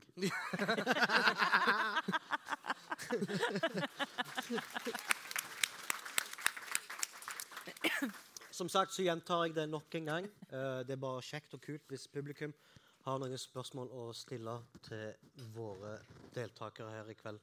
Og ikke vær sjenerte, ikke vær redd. Ja, der har jeg et spørsmål. En arm som stikker der. Eh, vær så god, presenter deg sjøl, og reis deg opp, sånn at alle kan se deg. Det er fint. Jeg har litt sosial angst. Da er vi begge der. Ja, det har vi alle. Eh, Ragnhild heter jeg. Eh, student på Blindern. Jeg bare lurte på, Det har vært en del debatt rundt eh, sensurering av russisk eh, media, spesielt statlige media. Bare vil høre tankene deres rundt det, egentlig. Eh, Ja. eh, Ja. Jeg, sk jeg skrev en, eh, et bokkapittel for en del år siden om eh, hvordan Putin bruker veldig mange ulike virkemidler for å påvirke egen befolkning eh, til å legitimere bruk av militære ressurser. Blant annet har de eh, hvor de blant annet har eh, du vet sånn, Nesten som ungpionerer, at barn går i uniformer og får våpenopplæring. og veldig sånn militært tilsnitt. De har en fornøyelsespark. Vi har det, Tusenfryd. De har sånn, Utenfor Moskva har de en sånn med bare militær for barn. Eh, fornøyelsespark. Det er Fantastisk tusenfryd, det, er det ikke det? Ja, ja. Men det som er, er også tidligere så har det jo vært sånn at uh, Putin og hans regime har jo styrt uh, TV-kanalene. Uh, nå har det kanskje enda seg litt de siste årene, men særlig de, det kan være generasjonsskifte der også. Men det har vært at mesteparten av den russiske befolkningen har tatt sin informasjon fra TV. Gjennom fjernsynet. Hvor er det med befolkningen i Europa eller Norge tar vår informasjon i motsetning til Russland? Jeg tror i hvert fall ikke vi har liksom en eller to kanaler som Støre eier. Eh, du kan jo forestille deg det, da, i motsetning. Eh, at det hadde vært sånn. Eh, det hadde vært, det hadde vært Vil du si at det er mer mangfold av det i USA? ja, nå, er ikke, nå har ikke jeg forska på medier i USA, så det har jeg ikke lyst til å uttale meg om. Hvor mange Men, statskanaler er det i Russland? En, en eller altså I Russland? Ja, hvor mange kanaler er det snakk om? Eh, ja, nå Etter hvert så er det vel nesten bare RT. eh, men, Ja. eh, men det er vel det hoved. Men, men alle de små kanalene som er, er jo styrt av regimet, mer eller mindre. Alle typer aviser, til og med den siste nå Hva heter hun Politovskaja? Novaja Gazeta. Novaja Gazeta den, den, fikk jo nå, den måtte jo legges ned nå. Stopp, ble stoppet nå. Det var en av de siste sånn mer ja, Som ikke var styrt av regimet, eh, avisene som var. Eh, og sånn som nå, selvfølgelig. Nå både Facebook og Twitter og en del andre sosiale medieplattformer har jo stengt eh, helt eller delvis eh, russiske brukere ute.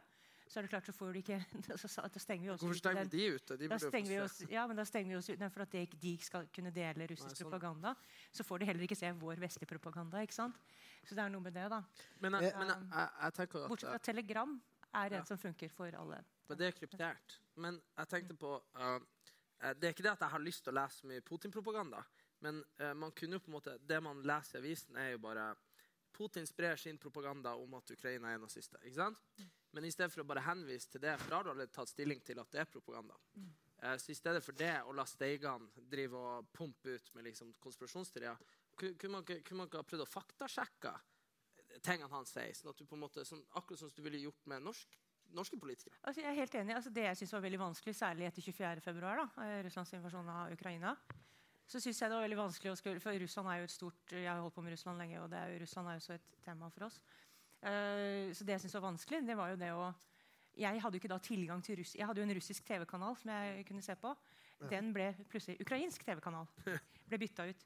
Eh, og jeg kunne heller ikke gå inn og, og se russiske snutter, sosiale medier osv. Så, videre, så jeg kunne ikke, hadde ikke tilgang lenger til de, til de tingene. Så du får ikke se den russiske siden. Det er veldig vanskelig, å, veldig vanskelig å beskrive hva slags propaganda de kommer med når ikke du får se hva det er. Det, det, det er så poenget. Ja, så jeg er helt enig.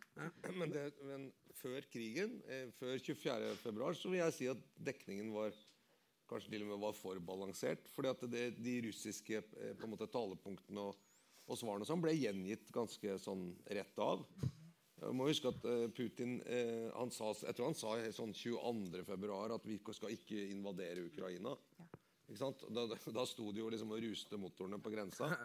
Eh, nei, nei. ikke sant? Eh, og, og, han sa det også i møter. ikke sant? Og det var megling, og det var forsøk på diplomati, og det var mange ting. Men det som viste seg i ettertid, var jo da, da invasjonen kom, så sa folk Men han, han Det er jo bare løgn. Alt er bare løgn. Og dermed så og det er, så, det, er sånn, så, det er så, sånn rett opp i trynet også. Etterpå når de sier ja, men du, du sa du ikke skulle gjøre det. Jeg har aldri sagt. Altså, det blir liksom sånn at verdien av det som nå da er It is måte, uh, not a war, it is a special operation. Ja, Litt sånn komisk Ali-opplegg. ikke sant? Hvorfor no tror du Putin sier at dette ikke er krig, men en spesialoperasjon? Hva er, hva er målet der? Uh, nei, det, det, tror jeg for at Noen sier at russere er ganske sånn formelle. Uh, det, er, det, er, mye regler og ganske mye sånn byråkrati. så Hvis det er en krig, så betyr det at du kan mobilisere hele befolkningen. Altså kalle inn flere årskull til uh, tvungen militærtjeneste. Sånn som vi også ville gjort i Norge hvis vi ble angrepet. Og, og, mens en militær, spesial militærperson er noe du kan gjøre på en måte med de profesjonelle soldatene du har. Og en ting som er, i hvert fall skrives om, er jo at eh, Russland henter de fleste soldatene sine fra veldig øde områder som er ganske langt utafor Moskva, St. Petersburg og liksom de bysentrene.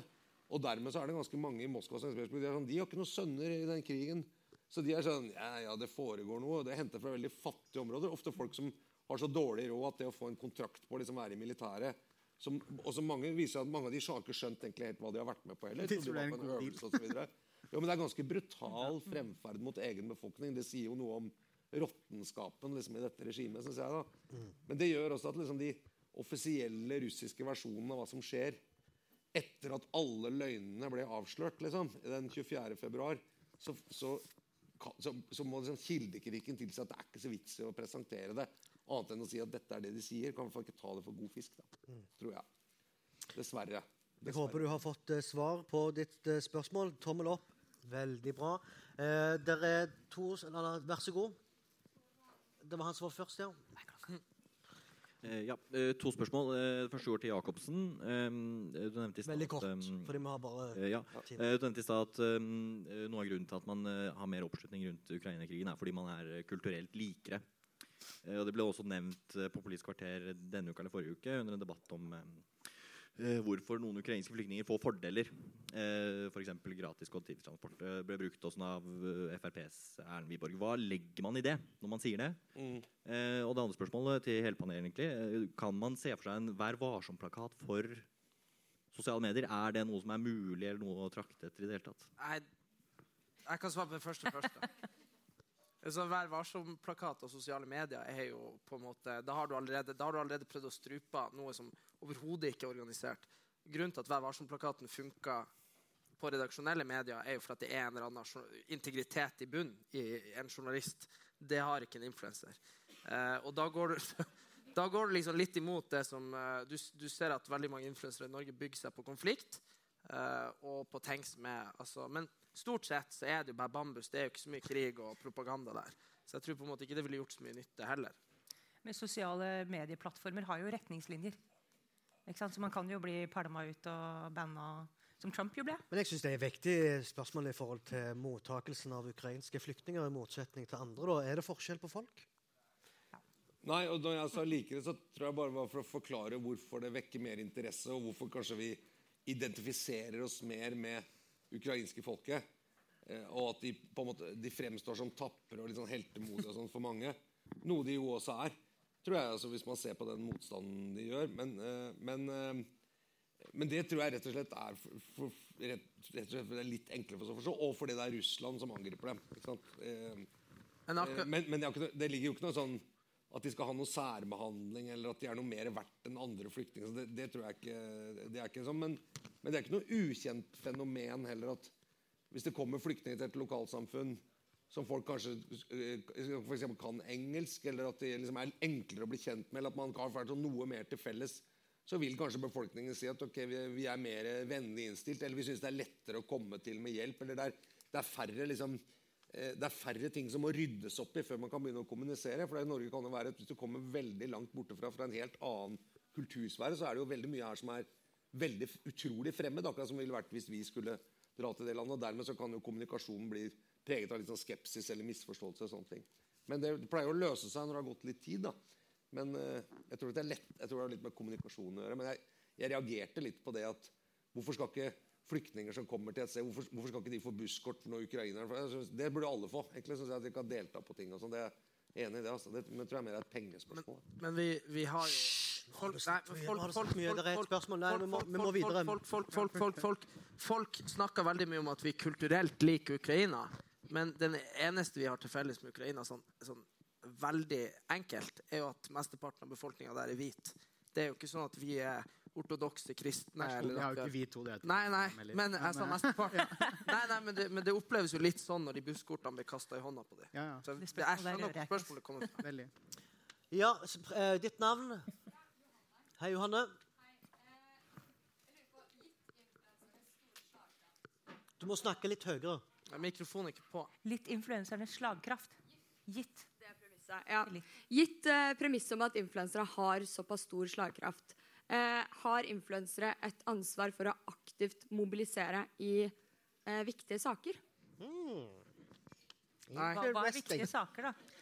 Hva er interessante saker? Ja. ja for hva er viktige saker? Det, det kan være både klima eller i krig eller Det kommer an på hvem som spør. ikke sant? Ja. Nei, jeg snakker om de store sakene som, som ofte høster mye oppmerksomhet i mediene problemet, slik jeg ser det, er jo at uh, influensere Det er veldig sånn saueflokksyndrom, sånn som, er, mm. sånn som er Black Lives Matter. Det var jo noen som, Jeg tror det var en Dag Sørås som sa det at eh, politivold i Norge det er større sjanse for at de skyter seg sjøl. Og det, det, er jo et veldig valid poeng. ikke sant? For det som utløste Black Lives Matter i USA, er jo på en måte strukturell og kontinuerlig eh, rasisme over mange hundre år. Fra plantasjetida og slavetida. Eh, og så manifesterer det seg i liksom suburbs og eh, politirasisme der. Og så kommer du til Norge, og så har det ingen kulturell overførbarhet. Men likevel, midt under covid, når eh, f.eks. Mats Hansen hadde hunsa med de idiotene som var på fest under covid, ikke sant? så plutselig så var det 100 000 mennesker på Karl Johan. Og det var jo veldig spesielt. for noe som var veldig, altså I Norge så hadde det vært mye mer relevant med en sånn eh, rasisme mot folk fra Midtøsten eller mot muslimer. Det har vært mye mer relevant. Men som han Dag Sørås også sa, så var det jo ingen som gikk i tog når vi bomba i Libya. Ikke sant? Så, så er det som er, det som er influensere Jeg føler at influensere burde ha et ansvar for å sette seg inn i ting, og ikke bare kaste seg på ting. For det er jævla woke og liksom eh, politisk all right å være på hans lag i klimadebatten. Ikke sant? Og da hiver alle seg på. Så eh, jeg syns ofte at det er drit når influensere engasjerer seg i politikk og viktige saker, fordi de vet veldig lite. Mm. Ismail? Jeg syns ofte det er fint når de gjør det, men jeg skjønner det også veldig godt. Og det er en ting som er sånn forskjell fra et mediehus, som har på en måte en veldig konkret oppgave, som også er nedfelt i en plakat som de har eh, signert, og fra en organisasjon de er medlem av. Og en influenser som ja, kan være en bedrift, men, og de kan ha 100 000 eller 500 000 følgere eller 2 millioner følgere. Men det er også fortsatt et menneske. da, og Hvis den personen har blitt dumpa dagen før, og ikke legger ut noe om en eller annen pågående demo i Oslo, så tar jeg veldig lett på det, merker jeg. Eh, og det syns jeg er litt viktig, at det der presset om å kaste seg på liksom, flokken og dele den ene grafikken uten å som du sier, satt deg inn i hva det handler om, uten å egentlig ha noen personlig mening om det, bare fordi du føler at du må legge ut noe. Det blir helt, ja, det blir helt meningsløst for min del. Men ja, altså sånn, influensere har på samme måte som alle som sitter her, alle med stemmerett, et ansvar for å sette seg inn i ting og engasjere seg i ting, mener jeg. Og noen ganger kan det være godt. Og så er jeg litt uenig om eh, hvor viktig det var med BLM-demoene. Jeg syns jo det var veldig viktig, og jeg mener at det har en del overførbarhet. Men det trenger ikke handle om det. Det kan også handle om klima og det kan handle om krig. Men altså, at en influenser deler en post som de ikke har satt seg inn i, om et spørsmål som de ikke kan en dritt om, Det er farlig. Det, det er farlig. Det kan være farlig, faktisk. Men da tenker jeg at de tåler den kritikken som kommer. Ja. Det er jeg litt opptatt av. faktisk. Neste spørsmål det går til deg. Eh, Presenter deg med navn og spørsmål. Hei, eh, jeg heter Marte. Jeg studerer på Krigsskolen. Um, jeg har et, dere har jo omtalt uh, Norge som en fredsnasjon, blant annet. Så jeg har et spørsmål opp mot Hvordan tror dere medies påvirkning på eh, den norske befolkninga har opp mot norsk forsvarsvilje? Eh, har den mobilisert den norske befolkninga til å ville delta mer dersom eh, en krig skulle skjedd i Norge? Og hvordan tror dere den norske befolkninga generelt sett, altså den vanlige mannen på gata, anser det at politikere tar et større ståsted på Forsvaret da, og oppbygging og ressursbruk og penger til Forsvaret. Interessant, for det forsker jeg på. Um, forsvarsvilje og motivasjon. Uh, og Hva folk til å få prøver å knytte det opp nå mot sosiale medier også, med tanke på det som har skjedd i Ukraina nå. Uh, jeg har, siden jeg begynte i 2008, så har jeg stilt uh, soldaterspørsmål når jeg har vært ute. eh, om eh, ja, så when the shit hits the fan, så skal jo du faktisk være villig til å ofre eller ta liv som soldat. Hvem er det da du gjør det for? Hva er det som gjør det verdt det for deg? Så først I senere årene så har jeg fått det med intervjuguidene mine. så nå har jeg liksom har det i intervjuene, Men i begynnelsen så stilte jeg det bare litt sånn random. Uh, og De første årene så svarte folk veldig sånn uh, for familie, for dama og nå eller etter hvert også Hva er det merkeligste svaret du fikk? Nei, altså, Jeg har ikke fått noe merkelig Jeg vet du skjønner, jeg prøver å gjøre det litt morsomt nå. Det er ikke så morsomt. Men uh, det var uh, Men jeg fikk også spørsmål sånn, jeg svar sånn som mamma, f.eks. Men mye var det sånn kompisen i skyttergrava. Og Dette er fra 2008. Hvor mange norske soldater tror du er i skyttergraver fra 2008 til i dag? Veldig, veldig få. Men det er sånn idé de hadde, da. Men så har jeg sett sånn fra kanskje 2013, 2014 og fremover, så jeg at da fikk jeg plutselig mer svar som var på for Norge og for Norges verdier. For det vi har i Norge. Det kan ha vært pga. flyktningkrise, det kan ha vært pga. etter hvert også Trump og, fake news og den måten det her har skjedd på i sosiale medier. Eh, det kan også ha vært Forsvarets egne kampanjer. eh, Forsvarets mediesenter, disse for alt vi er og alt vi har, som har vært ganske påtagelige. Så jeg ser det kan ha vært og kanskje en mer politisk korrekt generasjon. Jeg vet ikke om dere er det. Eh, så det kan være en del ting. Men jeg har i hvert fall sett en endring der. Og det med sosiale medier, jeg, tenker, eh, jeg er veldig interessert i akkurat det du spør om. For jeg tror nemlig, det er min hypotese, jeg er ikke ferdig forska på det. Men jeg tror kanskje at uh, sosiale medier virkelig kan være med. Jeg ser jo bare på militært ansatte og vernepliktige. Men jeg har kjempelyst til å stille disse spørsmålene også til sivile. Jeg stilte et spørsmål til tidligere informanter som det heter, uh, nå i våres, etter invasjonen. Og spurte har noe forandra seg for dere nå med dette med forsvarsvilje. Uh, og det var veldig få av de som svarte, som hadde forandra motivasjon.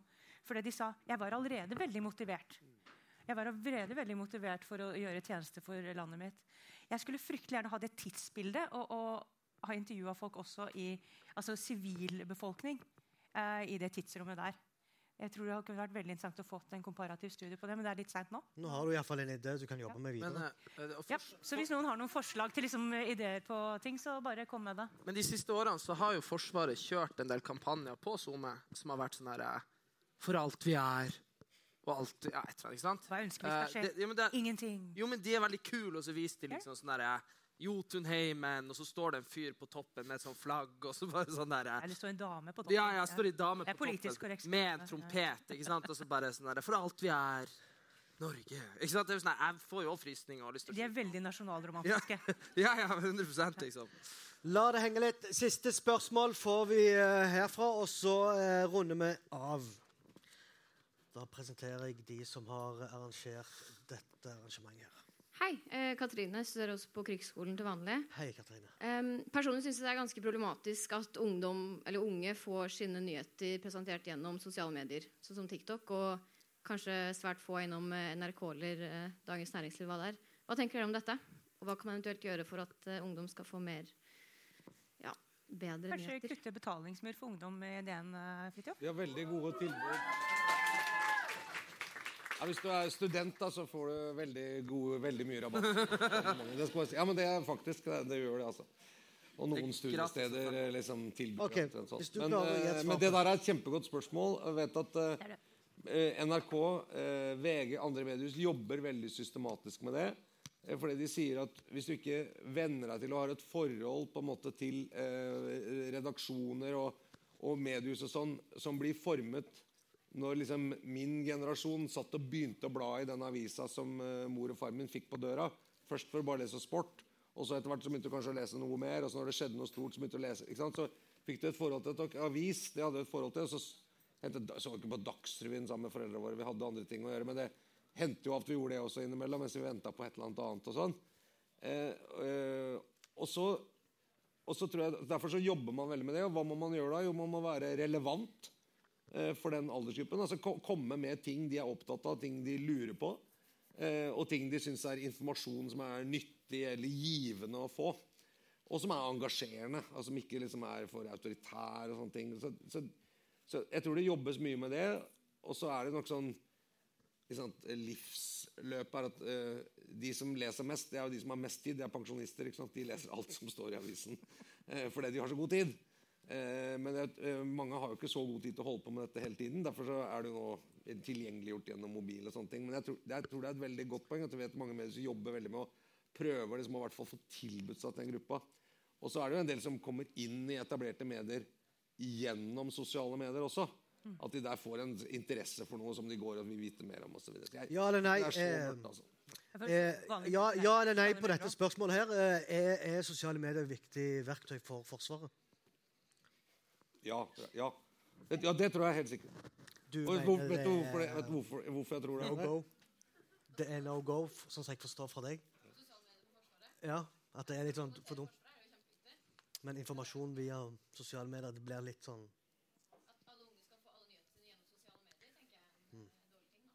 Men, uh, men uh, det er jo sånn som NRK har jo uh, Jeg søkte jobb der, fikk den ikke. fucked de. Jeg søkte jobb i NRK en gang og sette NRK Nyheter. Det var ingen skilnad mellom det og det konvensjonelle tilbudet. Men det er en sånn kanal de har for ungdom. da, NRK Nyheter. Nå prøver vi Supernytt. Hæ? Ja, men Supernytt! Nei, det er Supernytt, ja. Men, men der var det der var det, der var det i hvert fall eh, sånn der, eh, der var jeg gjest en gang når det var sånn samenes eh, nasjonaldag 14.2. Og da var det veldig sånn der, da var det veldig sånn der OK, Erik, nå skal du Så gjorde de det veldig barnevennlig, da. Og det er på en måte den veien man må gå, for du, du får, ikke, du får ikke en tolvåring til å oppsøke NRK for å lese om sånn strømpriser. Det er sånn. ja, det er sånn. Ja. kan jeg si en håpefull ting på slutten? Veldig kort. Så mye om. Mm. Og Det gjelder både sosiale medier og det har også litt med Forsvaret og sånn òg. Norge er et land nå med veldig mange forskjellige typer folk. Eh, både som eh, sant, tror på forskjellige ting, som mener helt forskjellige ting, som bor helt forskjellige steder. Og Man har hørt masse de siste åra om at ja, folk på, i Oslo skjønner ikke noe av folk som bor på bygda. Mange flytter til byer, flytter tilbake. Så vi er et veldig sammensatt befolkning, hvor du kanskje har mest å gjøre med den gruppa du føler deg hjemme i. Om det er eh, Forsvaret og de du går på krigsskolen med, de du er vokst opp med, kompisene dine osv. Og så får du ikke så mye impulser utenfra. Men sosiale medier, og i og for seg også en god influenser, lager jo noe sånn som gjør at vi, det binder oss sammen på en eller annen måte. For vi har noen felles opplevelser. Vi har noen felles referanser. Vi kan, være, ja, vi kan heie på Mats Hansen eller være forbanna på Mats Hansen, men det er et eller annet vi på en måte har noe sammen. Og alle sånne ting gjør jo at vi husker at vi på en måte er Vi er også Norge. Vi er en nasjon selv om vi er veldig forskjellige. Du kan være akkurat hvem du vil, og det er en av de fine tingene her. Og du behøver ikke å like alle heller, men vi har et eller annet som, som binder oss sammen. Og det er jo interessant å se i Ukraina at når det blir liksom truet utenfra Og der er folk utrolig uenige om mange ting, og det er masse infighting der. Og, det, og, de, og de har ganske mye problematiske ting seg imellom. Eh, men de, de, skjønner at okay, vi har et eller annet som binder oss sammen. Og der tror jeg egentlig både influensere, medier og alt sånt egentlig er litt på samme lag. Da. Så det er, litt, det er lov til å bli litt håpefull. da. Fridtjof Jacobsen, tusen takk til deg, politisk redaktør i Dagens Næringsliv. Panelet så har vi hatt Erik Sæther, eh, Ismail Rauan, Nina Hellum. Og vi skal gi veldig stor applaus til dere som har kommet. Veldig fantastisk at dere var samla. Det var mange folk. Eh, jeg vil bare gi stor takk til de som har arrangert dette. Gir stor applaus til Henriette Eie Erdal og Julia Wong fra IATA. Vær så god.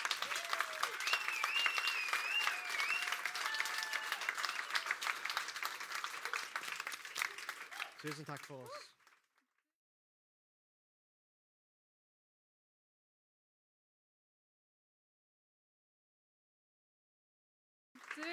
Før vi runder av, så skal vi bare si et par ting. Eh, herregud, kring og media. Det er hett, eh, hett tema. Jeg blir helt sånn Jeg føler at vi har Ja. hatt litt for lite tid. Ja, du kan snakke i evigheter. Det er bare å bli. um, vi, eh, jeg er en del av Tullete alvor. Julia er en del av Viata. Vi har et samarbeidsprosjekt. Um, en live podkastserie som går over tre ganger. Så neste arrangement er eh, 12. oktober klokken 18, samme sted. Um, og da er temaet, dere kan jo gjette, eh, krig og Ja, krig og klima. um, kanskje kommer det en ny hæ? Um, så jeg vil bare si tusen takk for i dag. Eh, følg oss på sosiale medier. Apropos eh, media. Um, ja. Det var vel egentlig det. Tusen takk. Ja, takk til Mohammed som stilte opp for få timers eh, Ja, det var kort varsel to timer før jeg skulle komme. Så, Så ekstra klapp til Mohammed. Ja, takk.